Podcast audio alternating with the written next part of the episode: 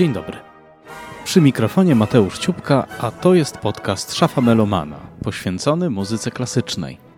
W każdy poniedziałek rozmawiam z zaproszonymi gośćmi, instrumentalistami, śpiewakami, dyrygentami, kompozytorami, krytykami, tymi, którzy żyją muzyką i z muzyki. Przypominam, że wszystkie odcinki znajdziecie na stronie szafamelomana.pl w serwisie Spotify i na popularnych platformach podcastowych. Jestem także na Facebooku i Instagramie. Wszędzie tam czekam na Wasze opinie, propozycje i komentarze. Nie wahajcie się napisać do mnie. Szafa Melomana stoi przed Wami otworem.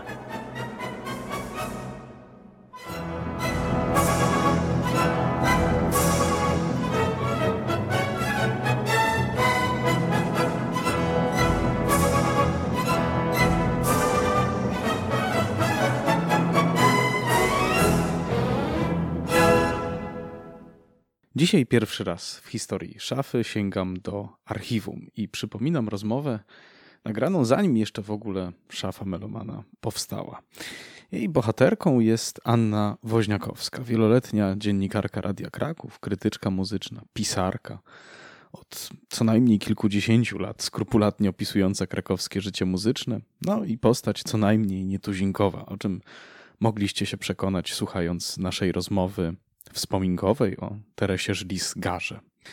Umawiając się na tamtą rozmowę, nie sądziłem, że trafię na jednego z niewielu żyjących świadków debiutu tej wielkiej śpiewaczki na scenie opery krakowskiej w partii Halki w 1956 roku. To było odkrycie, muszę przyznać. Jeśli pamiętacie ten odcinek, bodaj 18, to pewnie się ucieszycie, że rozmowa, którą słyszycie za chwilę, pozwoli Wam lepiej poznać Annę Woźniakowską i dowiedzieć się więcej o fantastycznych ludziach, których spotkała na swojej drodze. Dodam jeszcze, że nietypowo odcinek ma dwóch prowadzących, bo towarzyszył mi wówczas Mateusz Borkowski, bohater z kolei czwartego odcinka podcastu poświęconego krytyce muzycznej. A całość y, tego nagrania powstała dzięki y, stypendium w ramach programu Kultura Odporna Miasta Krakowa, które właśnie z Mateuszem otrzymaliśmy. No i to można powiedzieć były takie podcastowe nasze y, pierwsze kroki. W nagraniu wykorzystaliśmy sonatinę fortepianową nr 6 na motywach Carmen Georgesa Bizeta, autorstwa Ferruccia Busoniego w wykonaniu Edwarda Steuermana. To nagranie z 1960 roku, a rozmowa odbyła się 4 grudnia 2020 roku było podobnie chłodno jak teraz i właśnie w taką zimową porę odwiedziliśmy Annę Woźniakowską w jej krakowskim mieszkaniu.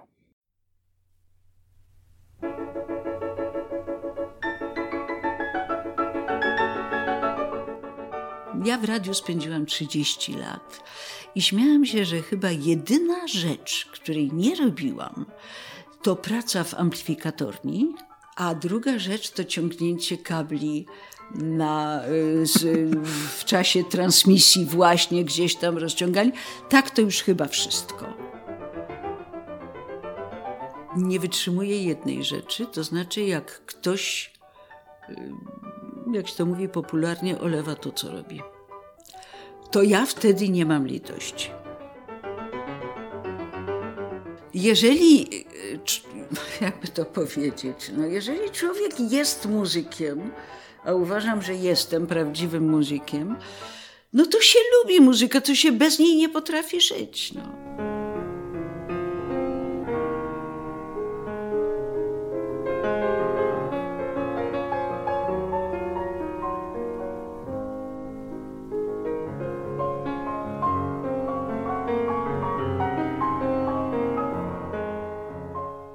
Dobry wieczór, z tej strony Mateusz Ciupka i Mateusz Borkowski. Witamy w naszym podcaście realizowanym ze stypendium Twórczego Miasta Krakowa. E, witamy z Krakowa, z krakowskiego mieszkania e, pani redaktor Anny Woźniakowskiej. Dzień dobry. Dla tych, którzy pani redaktor nie znają, a myślę, że niewielu takich jest naszych słuchaczy, ale być może, no może ktoś siedzi na Bali, mówi po polsku, ale nigdy w Krakowie nie był to ja postaram się przybliżyć. E, naszym gościem jest dzisiaj rówieśniczka Paula McCartneya, Harrisona Forda, Teresy Budzisz-Krzyżanowskiej, Krzysztofa Kręczona, Tomasza Stańki. Żebyśmy... To mój kolega ze szkoły podstawowej. Skoro jesteśmy w Krakowie, to i Jana Kantego Pawluśkiewicza, Jimmy'ego Hendrixa. No i Barbry Streisand również. Mm, mamy dzisiaj e, przyjemność rozmawiać z absolutną legendą krytyki muzycznej, e, nie tylko Krakowa, nie tylko Małopolski, ale Polski w ogóle, jednego z najwytrwalszych obserwatorów i komentatorów życia muzycznego. Bo po prostu długo żyje. Więc skoro długo, to idziemy do początków, czyli e, pytanie, kiedy się zaczęła muzyka w Pani życiu? E, od czego się zaczęła? Jedyne zdanie, jakie na ten temat znalazłem, to zdanie o tym, że zaczęła się, kiedy miała Pani 7 lat. Myślę, że było to trochę wcześniej, bo y, kiedy moja siostra starsza miała 7 lat, w domu pojawiła się y, pani Nutka, jak nazywaliśmy ją, i pianino. Y, nigdy nie zapytałam Zbyszka Wodeckiego, czy ta sama pani Nutka, czyli pani Józefa Schlichtinger, która mieszkała w Rakowicach, y, również jego uczyła gry na fortepianie, ale ponieważ y, wiem, bo opowiadała mi o siostrze Wodeckiego, którą uczyła, więc przypuszczam, że i Zbyszka uczyła również. I w trakcie ich lekcji ja siedziałam, słuchałam, no i podobno, bo ja tego sama już nie pamiętam, podobno zażyczyłam sobie, że ja chcę też. Zawsze chciałam to, co siostra robiła te dwa lata wcześniej. No i tak to się zaczęło. Najpierw się uczyłam prywatnie, potem chodziłam do szkoły y, na Basztową 23. Zawsze się spóźniałam, bo w tym czasie budowali tramwaj na Basztowej, a chodzenie po szynie, która czekała na włożenie, było zawsze bardzo interesujące. Potem w piątej klasie y, połączyłam szkołę ogólnokształcącą ze szkołą muzyczną. Znalazłam się na Basztowej 8, wtedy właśnie w klasie z Tomkiem Stańką, z Wackiem Kisielewskim, z Ewą Synowiec, pianistką i kompozytorką, z Marią Bujańską, pianistką, niestety już nie i literatką, pisarką, niestety już nie żyjącą. Bardzo to była interesująca klasa. Y, z dwie klasy wyżej była Ewa Demarczyk w szkole podstawowej jeszcze wtedy. No a potem mm, po skończeniu szkoły znowu rozdzieliłam te dwa nurty Poszłam do szóstego liceum imienia Adama Mickiewicza y, przy ulicy wtedy Bohaterów Stalingradu 48. No i do słynnej średniej szkoły muzycznej Warszawska 11. Była to cudowna szkoła, która właściwie nauczyła mnie wszystkiego, łącznie z tym, że nauczyła mnie odpowiedzialności za siebie. Dlatego, że Byłam chyba pierwszym rocznikiem, który przyszedł taką większą grupą po podstawowej szkole muzycznej. Natomiast y, pozostali to y, byli ludzie w najróżniejszym wieku. Na chórze spotykaliśmy się ja, wtedy trzynastoletnia, i pamiętam taki puzonista borysławski, chyba 43 lata. No i to był czas, kiedy do tej szkoły właśnie na tym chórze była i Ewa Demarczyk, i Staszek Radwan, i Marek Stachowski, no i kogo jeszcze tam. Mnóstwo tego było, wspaniałych ludzi. A pedagodzy, w związku z tym, że większość była dorosła, nas, trzynastolatków, traktowali również jak dorosłych ludzi i trzeba było temu sprostać. Można było po zajęciach jeździć na poporęczy, ale na zajęciach trzeba było być dorosłym.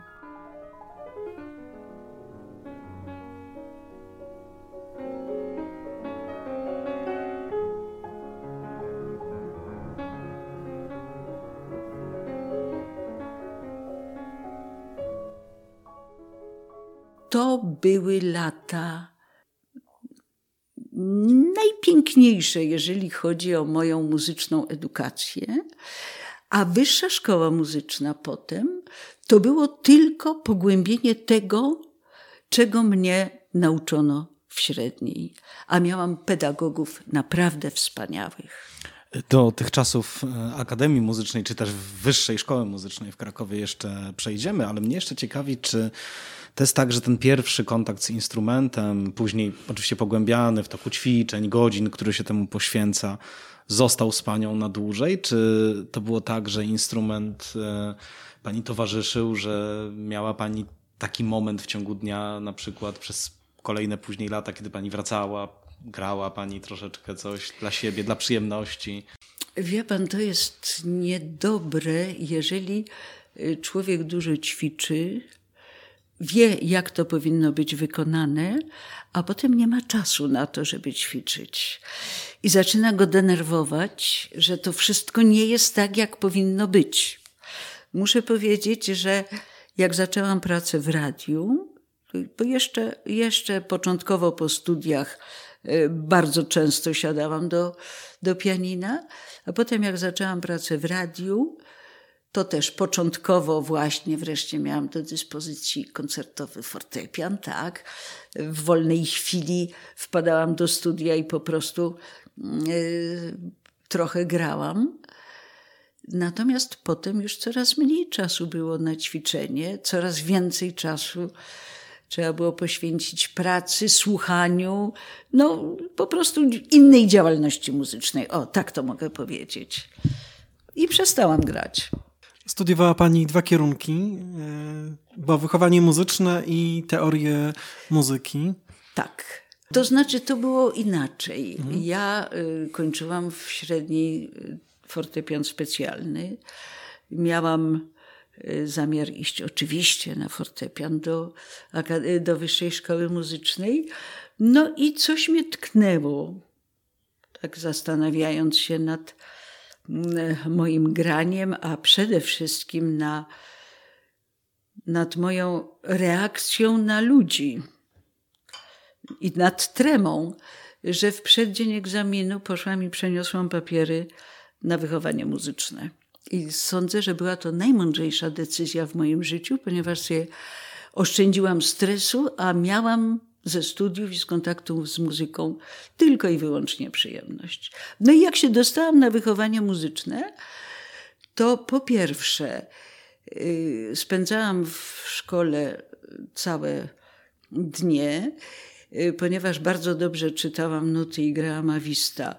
Yy, od razu stałam się akompaniatorką wszystkich możliwych śpiewaków, a potem a potem się okazało, że są przedmioty, które nie wchodzą w skład y, mojej siatki godzin, a które mnie interesują.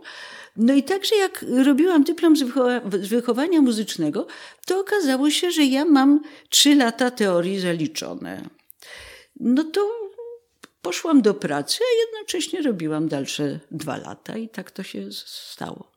Tak trafiła Pani do liceum muzycznego właśnie? Nie, moją pierwszą pracą y, to, był, y, to była organizacja widowni Filharmonii Krakowskiej. I było to straszne. No proszę. I było to po prostu straszne, ponieważ nie umiałam sobie z tym poradzić. Dało mi to dużo. Znowu nauczyłam się wiele, ale po roku stamtąd uciekałam prawie jednocześnie przyszły, e, przyszły dwie możliwości. To znaczy, e, właśnie dyrektor Szkielska, która była dyrektorem liceum muzycznego, a która znała mnie ze średniej szkoły, pewnego dnia ściągnęła mnie do siebie i zapytała, czy zajęłabym się nauką harmonii i kontrapunktu. No a wtedy też mogłam być akompaniatorką. Pojawiła się szansa na akompaniament w Wyższej Szkole Muzycznej, ale z tego zrezygnowałam. Jednak zajęło mnie y, uczenie. No a potem y, bardzo szybko pojawiła się inna propozycja, której, przed którą początkowo się bardzo broniłam, to znaczy y, realizator dźwięku w redakcji muzycznej Polskiego Radia. Do radia jeszcze wrócimy, ale na chwilę jeszcze chciałem wrócić do studiów, bo wtedy, kiedy pani studiowała, rektorem był Bronisław Rutkowski. Rutkowski. Tak, on y, w trakcie moich studiów zmarł. Rzeczywiście te pierwsze lata moich studiów to był Bronisław Rutkowski, ale to w ogóle była inna szkoła. Y, inna szkoła to, to była uczelnia, która miała 200 y, studentów. Wszyscy się znali, wszyscy, się, wszyscy pedagodzy znali poszczególnych studentów. Organizacją toku studiów zajmowała się jedna osoba, pani Wanda Urbańska, która też wszystko o wszystkich wiedziała. Dopiero później dowiedziałam się, że na y, Senacie czy, czy, czy na jakichś posiedzeniach poszczególnych katedr y, omawiano nawet to, z kim dany student czy dana studentka w tym momencie się spotyka i czy to dla niej dobrze, czy dla niego dobrze i jak to zaowocuje w jego rozwoju emocjonalno-muzycznym. O. No ale to była taka szkoła po prostu. Z drugiej strony, w trakcie moich studiów odeszło, odeszła większość profesorów, którzy, y, można powiedzieć, stanowili o wielkości tej uczelni, bo to nie tylko Rutkowski, y, profesor Sztąpka, profesor Ekierówna, profesor Łobaczewska. W tej chwili już nie pomnę nazwisk, w każdym razie 11 wielkich pogrzebów. Ponieważ ci wielcy wywierali olbrzymi wpływ na swoje otoczenie, ale jednocześnie y, byli jakimś niedościgłym wzorem, to nagle się okazało, że po ich śmierci nie za bardzo są następcy. To znaczy, są następcy, ale na stanowiskach asystentów, może adiunktów. Tu był moment takiego zachwiania się przynajmniej ja to tak odbierałam, zachwiania się nie tylko sławy szkoły, ale całego tego trybu, który szedł e, pod okiem e, trochę paternalistycznie traktującego wszystkich profesora Rutkowskiego, prawda? Wielki artysta, wielki rektor, dobry ojciec i surowy. No a tu nagle trzeba było to dalej wszystko poprowadzić. Natomiast to był też czas przecież, w którym na Akademii, czy właśnie w PWSM pojawili się ci, którzy mieli dopiero zostać wielcy, prawda? Tak, e, no, to był czas, kiedy się, zdaje się, na korytarzu... Krzysztof Penderecki wtedy już był po pierwszych sukcesach. Już był wielki. Notabene dlatego, to tak powiem, y, mimo w tajemnicy właściwie, kontrapunktu dwunastotonowego, który był przewidziany siatką godzin z Pendereckim. Nie zaliczyłam, bo go nie było. Był wtedy na stypendium. Ale zdaje się, że później, kiedy został rektorem, to też go później nie było. O tym Meyer pisze we swoich wspomnieniach. Ale to było już co innego. To już byli inni wielcy, którzy mogli za niego pracować. I pod jego, można powiedzieć, auspicjami. On wytyczał kierunki. On nadawał ton, wytyczał kierunki, y, załatwiał y, kontakty międzynarodowe. No a y, prorektorzy, czyli przede wszystkim profesor Krystyna Muszumańska-Nazarowa, szkołę, akademię prowadzili. Powiedziała Pani, że dostała propozycję z radia jako realizator dźwięku. Czy to było radio przy ulicy Wróblewskiego jeszcze, czy już na szlaku? Na Wróblewskiego była stara rozgłośnia, ale w tym czasie y, tam była administracja i administracja telewizji, bo y, w budynku przy ulicy Szlak 71 w Pałacyku Tarnowskich Ile razy przejeżdżam szlakiem, tyle razy serce mi się kraje. Jak widzę budynek, który dygotał życiem przez 24 godziny na dobę, teraz stoi martwy. Otóż w 1967 roku, kiedy tam zawitałam, y, tam było również studio telewizyjne. Tam się rodziła przecież y, telewizja krakowska. Dopiero jak stamtąd, y, jak ośrodek na Krzemionkach został wybudowany, no to myśmy zajęli cały pałacyk. Jak przeszła Pani od realizatora do y, szefowej redakcji muzycznej? No to zajęło trochę czasu. Y, przede wszystkim musiałam się nauczyć realizacji dźwięku. Y, pod okiem redaktora Jerzego Bresticzkera, który wówczas był kierownikiem redakcji muzycznej. I był to wspaniały człowiek, mądry, dobry, bardzo dobry dziennikarz i piszący, i mówiący, kompozytor, niedoszły śpiewak, który uczył się u Adysari, lwowiak, więc to też mm, w jakiś sposób go charakteryzowało. Był właśnie taki y, z pogody ducha, taki, jakimi sobie wyobrażamy y, mieszkańców Lwowa. Otóż zaproponował mi najpierw, żeby tam robić jakieś audycje, oprócz zajmowania się realizacją dźwięku. No więc robiłam te audycje, potem coraz więcej. No a w momencie, kiedy przeszedł na emeryturę, jakoś tak naturalnie było, że ja y, obejmę po nim tę funkcję. To były też czasy, kiedy krakowskie radio zajmowało się również e, transmisjami koncertów. To jakby A, te rzeczy, którymi obecnie się dwójka zajmuje, prawda? Wtedy oczywiście. były w, właśnie w gestii krakowskiego radia również.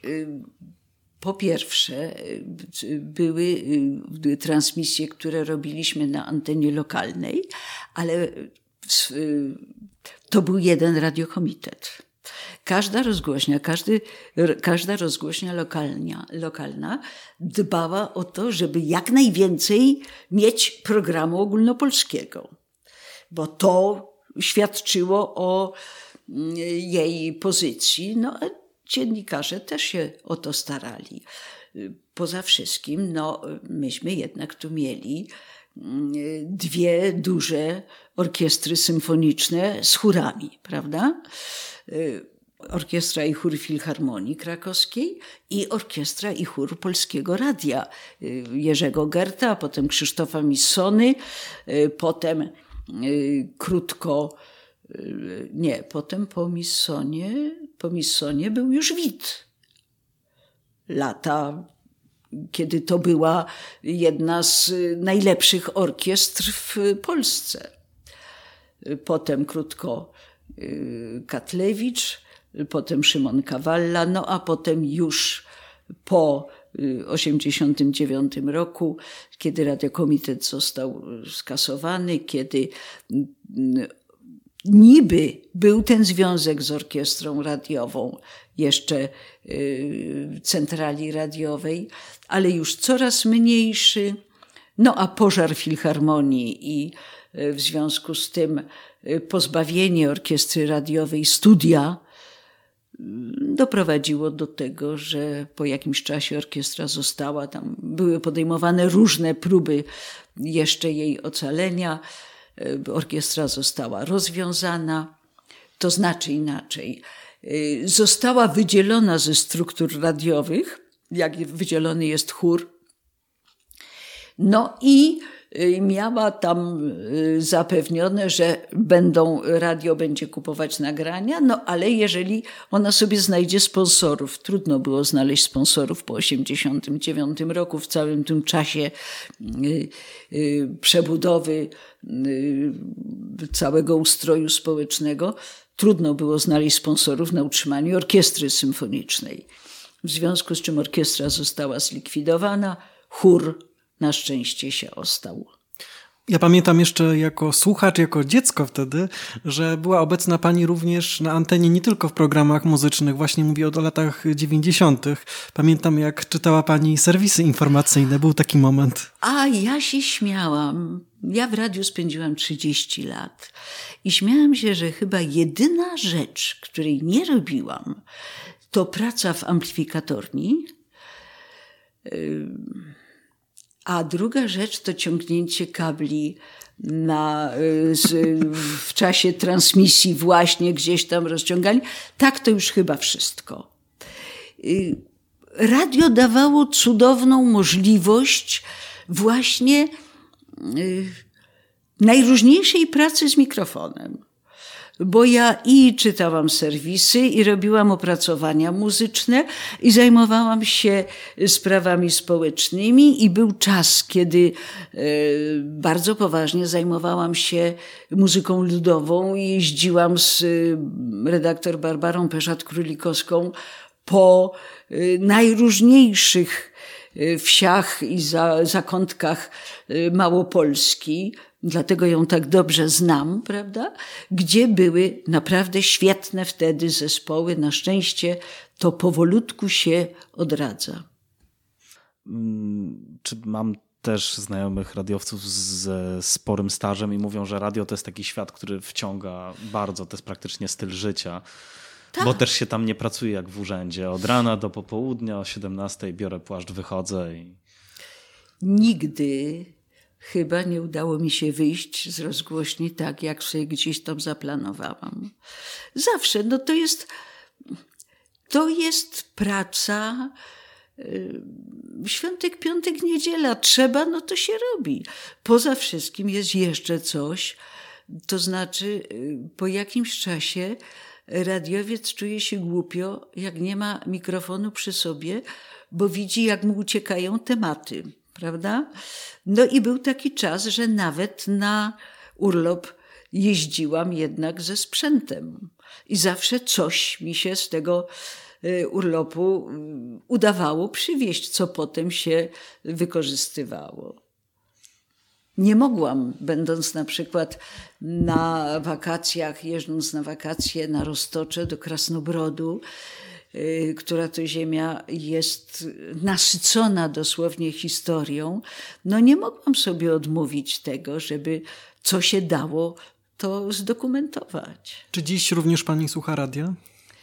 Oczywiście, oczywiście. Na przykład w niedzielę z reguły, ponieważ mam psa i w południe temu psu ja muszę zapewnić bieganie, no to wyjeżdżamy poza miasto.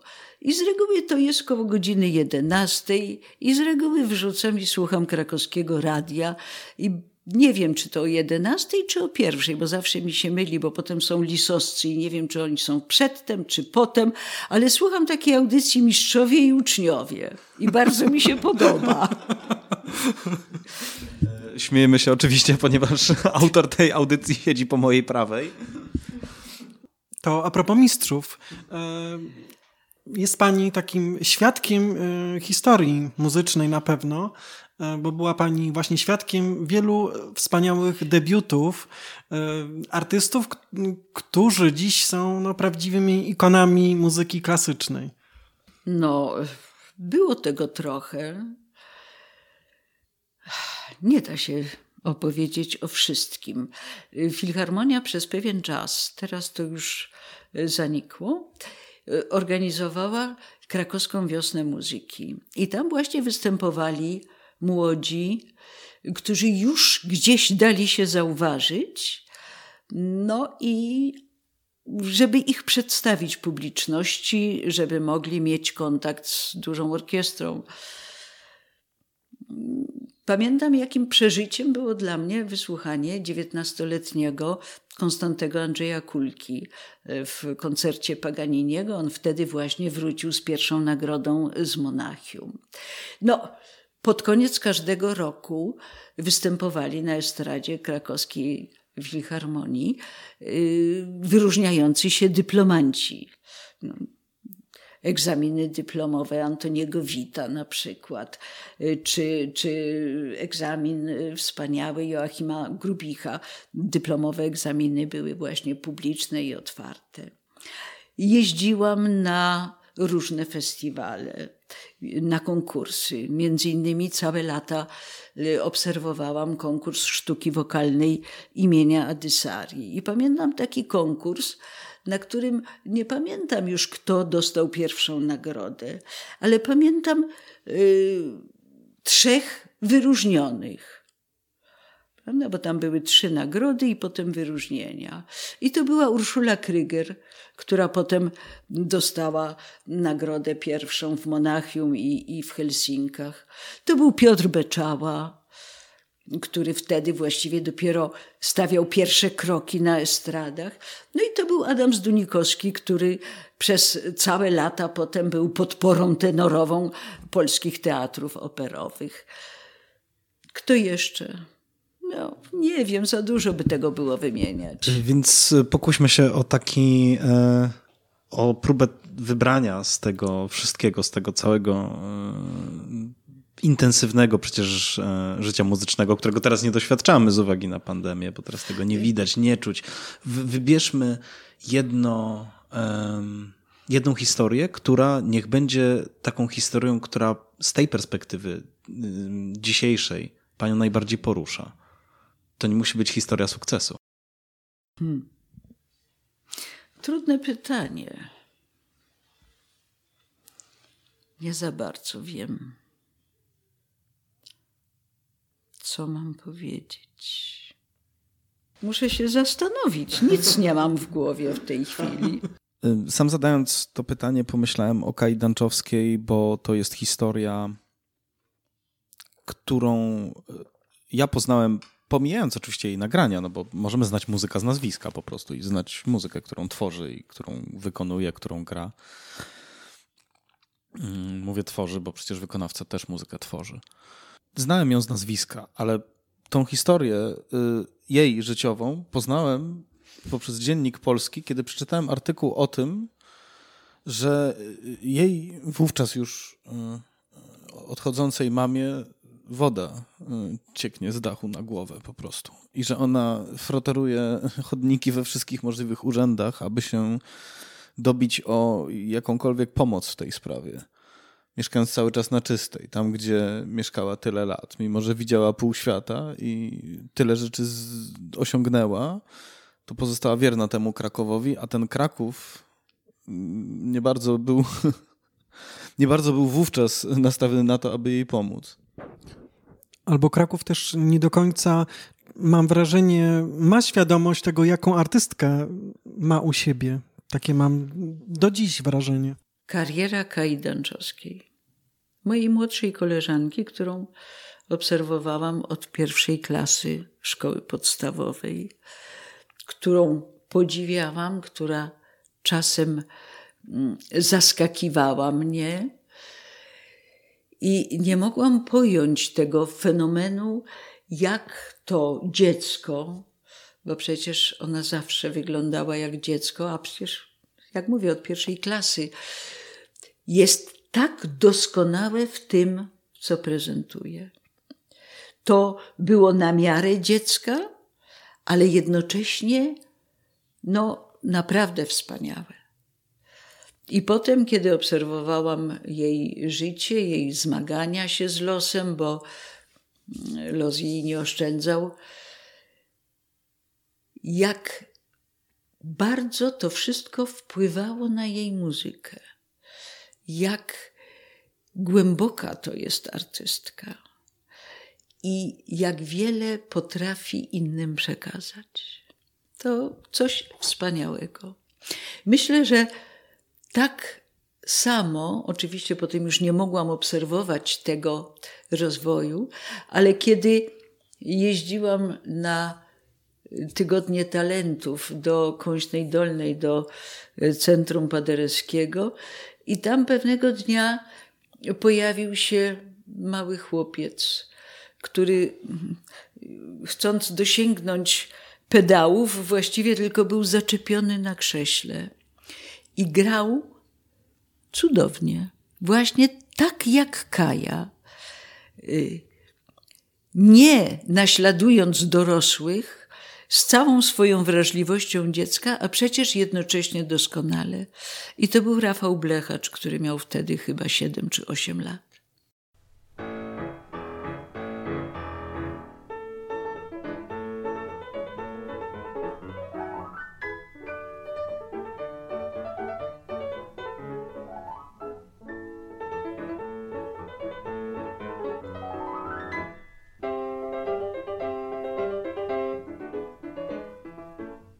Pamiętam, jak powiedziała mi pani kiedyś, że y, ktoś pani doradził, że mm, jednak warto zająć się pisaniem, bo to, co zostanie na papierze, to zostanie na dużo dłużej niż to, co w radiu. A to y, pani redaktor Teresa Stanisławska, naczelna nie, nieistniejącej już popołudniówki Echo Krakowa. Ja w ogóle nie rozumiem, jak to było, że gazety za tak zwanej komuny miały cztery, sześć, no w porywach osiem stron. I miały miejsce na recenzje, które pisywali znakomici ludzie. Recenzje y, pisali mm, przecież profesorzy Akademii Muzycznej, potem w krakowskiej Marian Walek-Walewski, w Echu Krakowa Parzyński, w dzienniku Adam Walaciński. Więc to byli znakomici ludzie. A teraz, kiedy gazety mają nie wiadomo ile stron, nie ma miejsca na recenzje muzyczne. To jest ciekawe, kiedy chodziłem w operze do archiwum yy, i otwierałem teczkę na przykład Halki z 57 roku, to w tej teczce znajdowało się na przykład 6, 7, 8 wycinków prasowych, z tak. czego 3 lub 4 dotyczyły premiery, a pozostałe wycinki dotyczyły wznowień, tego, że w, w partii Halki zaśpiewał kto inny, że yy, oto naraz jakiś śpiewak wypadł z obsady. Nawet o takich rzeczach pojawiały się bardzo czasem krótkie notki.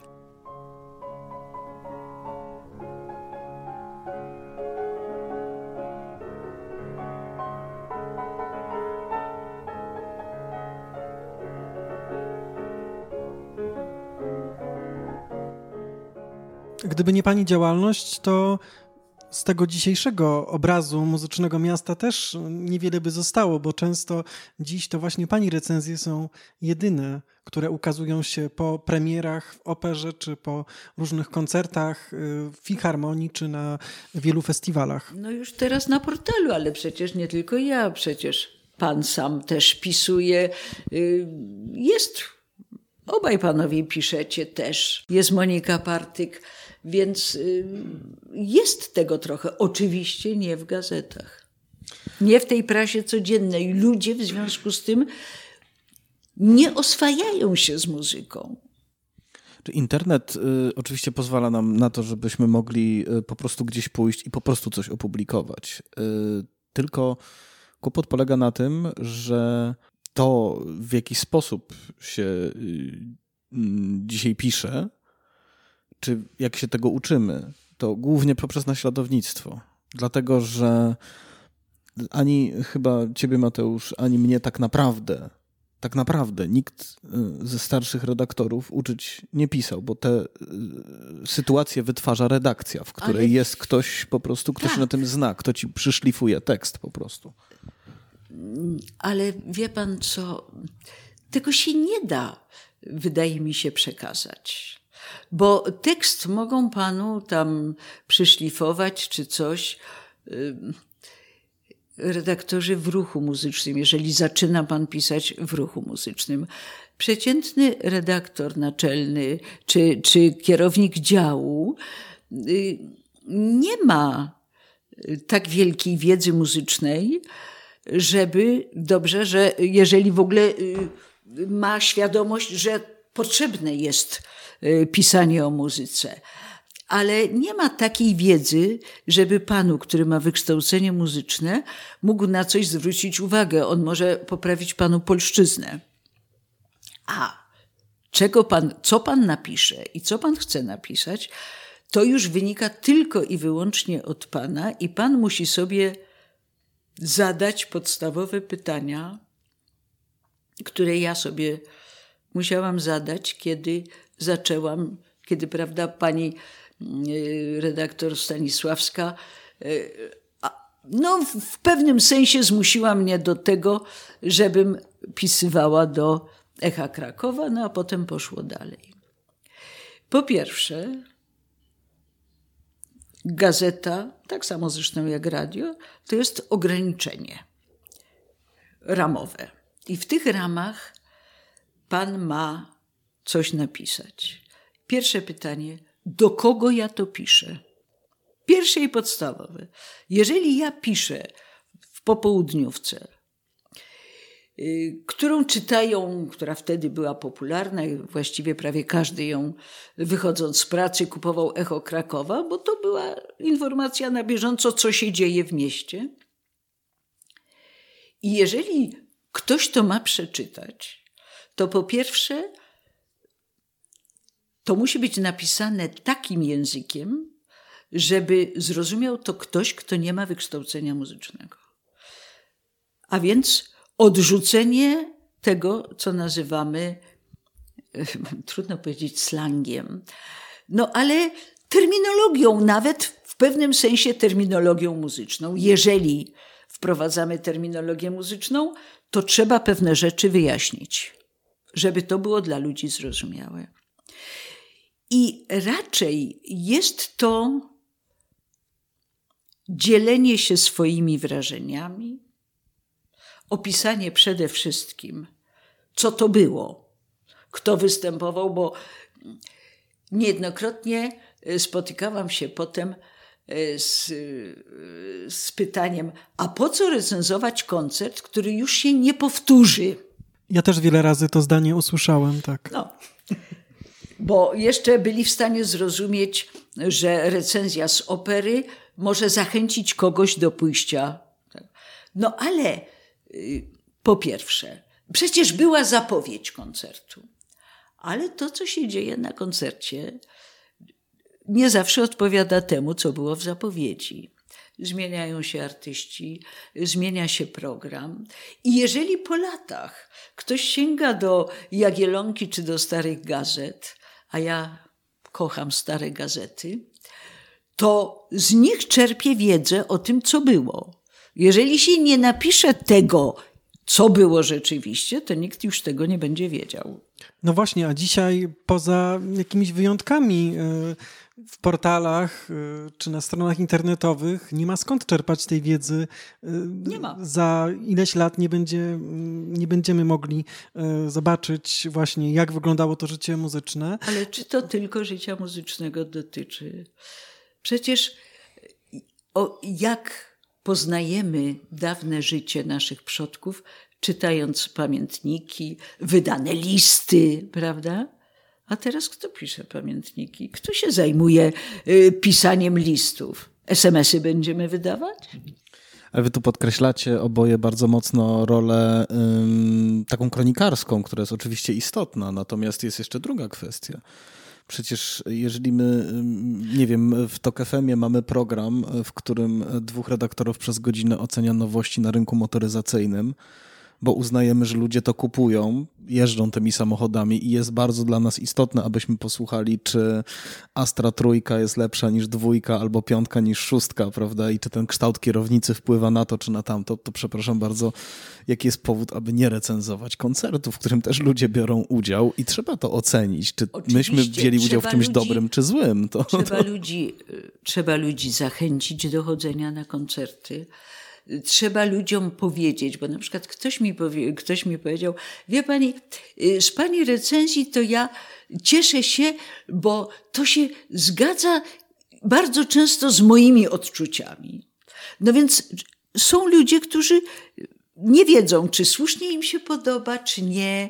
Y, boją się, że ponieważ nie są muzykami, to nie będą mogli odebrać utworu y, tak, jak należy no to w jakiś sposób trzeba ich y, utwierdzić. A poza wszystkim trzeba też zwrócić uwagę ludziom na pewnych nieznanych dotąd wykonawców, na pewne nieznane dotąd utwory. Po prostu dziś tego jest takie mnóstwo, że musi się to wskazać, żeby nie zginęło. Niestety to, co obserwujemy, to jest e, fakt, że z tych mediów głównego nurtu, no ta muzyka klasyczna właściwie całkiem Nie. została wypleniona. Niestety tak. No, uważają, że y, jeżeli jest na przykład w telewizji y, kultura, telewizja kultura, no to tam niech się wszystko odbywa. To wystarczy. Przychodzą, przychodzą konkursy, no to wszystko jest w internecie, prawda? I to jest dobre. To jednak bardzo dużo daje ludziom. Jeżeli jest ten streaming, jeżeli można y, siąść, pooglądać. No, mój Boże, ja właściwie y, jeszcze do niedawna twierdziłam, że nie znoszę słuchania muzyki w internecie. No ale sytuacja jest taka, jaka jest, i zaczęłam szukać dobrych y, jakichś stron tego zjawiska. No i na przykład posłuchałam sobie kiedyś tutaj z prawdziwą przyjemnością y, orkiestry Filharmonii Pomorskiej, której w życiu nie słyszałam. Do Bydgoszczy nie jadę. Tymczasem oni nagrali y, z, y, z Pawłem Kapułą drugą symfonię Beethovena. W ogóle mają taki cykl, który mi się szalenie spodobał. Daj się przytulić muzyce. No, czy można y, bardziej trafnie zachęcać do słuchania muzyki? No i naprawdę warto sobie tego posłuchać. A teraz zauważyłam, że również Beethovena gra Toruńska Orkiestra Symfoniczna. Też nigdy w życiu jej nie słyszałam i będę musiała sobie jej posłuchać rozmawialiśmy, czy mówiliśmy o sensie recenzowania, a ja jeszcze chciałem pogadać chwilę o stylu recenzowania, dlatego że, proszę wybaczyć, teraz recenzent zrecenzuje recenzenta. Nie należy pani do krytyków agresywnych, takich, którzy e, na przykład, no mieliśmy e, nieraz w rękach teksty, w których na, pewien znany baryton został na przykład określony już bez nazwisk autorów pijanym wójciem na imieninach, prawda, wykonując Winterreise Schuberta. E, w pani recenzjach, które znam i śledzę, bo blog na Polskiej Muzie jest mi doskonale znany chyba tak samo dobrze jak blog Doroty Schwarzman, który jest chyba pierwszym w ogóle polskim blogiem tak. o muzyce klasycznej, e, e, z e, ostrymi, agresywnymi tekstami, dociś, gdzie, nie wiem, pedał gazu jest dociśnięty, skoro już mówiliśmy o tej motoryzacji do dechy. U pani się nie spotykamy. Proszę pana, y, miałam też takie teksty. Ja nie wytrzymuję jednej rzeczy, to znaczy jak ktoś y, jak się to mówi popularnie, olewa to, co robi. To ja wtedy nie mam litości, bo ja się nie pozwolę lekceważyć i w ogóle uważam, że tego robić nie wolno. Natomiast y, ja przede wszystkim, bo sama się nad tym zastanawiałam, ale ja przede wszystkim jestem melomanem. Ja lubię muzykę. I w każdym wykonaniu musi być bardzo złe wykonanie, żeby nie można było znaleźć czegoś, co, co człowieka zainteresuje, co mnie weźmie. Jeżeli, jeżeli jakieś wykonanie daje mi przeżycie, sprawia mi przyjemność, to, że ktoś tam coś zrobił złego, to no trudno, no jest człowiekiem i może mu się to zdarzyć prawda? Nie będę y, go za to chwalić. Byłam, był raz taki koncert y, noworoczno, sylwestrowo-noworoczny. Był znany dyrygent. Y, była też obiecująca młoda śpiewaczka. To już był w Nowy Rok koncert. Nie wiem, ile koncertów wcześniej wykonali tego właśnie w tej okolicy. No ale ona już miała głos zmęczony, y, śpiewała Olimpię, y, Arielalki śpiewała i, i, i tam te koloratury były nie takie i wszystko, a on jednocześnie ten koncert prowadził i zachwycał się i cały czas mówił, że mamy do czynienia z cudowną artystką i tak dalej, i tak dalej. I nie mogłam przejść nad tym właśnie do porządku dziennego, bo ten koncert był dla mnie typowym przykładem chałtury, a nie koncertu. Napisałam, co uważałam, i na następny dzień e, maestro zadzwonił do mnie, pan dyrektor zadzwonił do mnie, i szukając zaczepienia. No ale nieszczęście zapytał się, czy ja jestem muzykiem. No a ponieważ mu wyrecytowałam mój życiorys, No więc mi podziękował i otworzył słuchawkę. Bardzo krzepiące jest to, co pani mówi, że po tylu latach, po tylu koncertach, na których pani była, cały czas można tę muzykę lubić.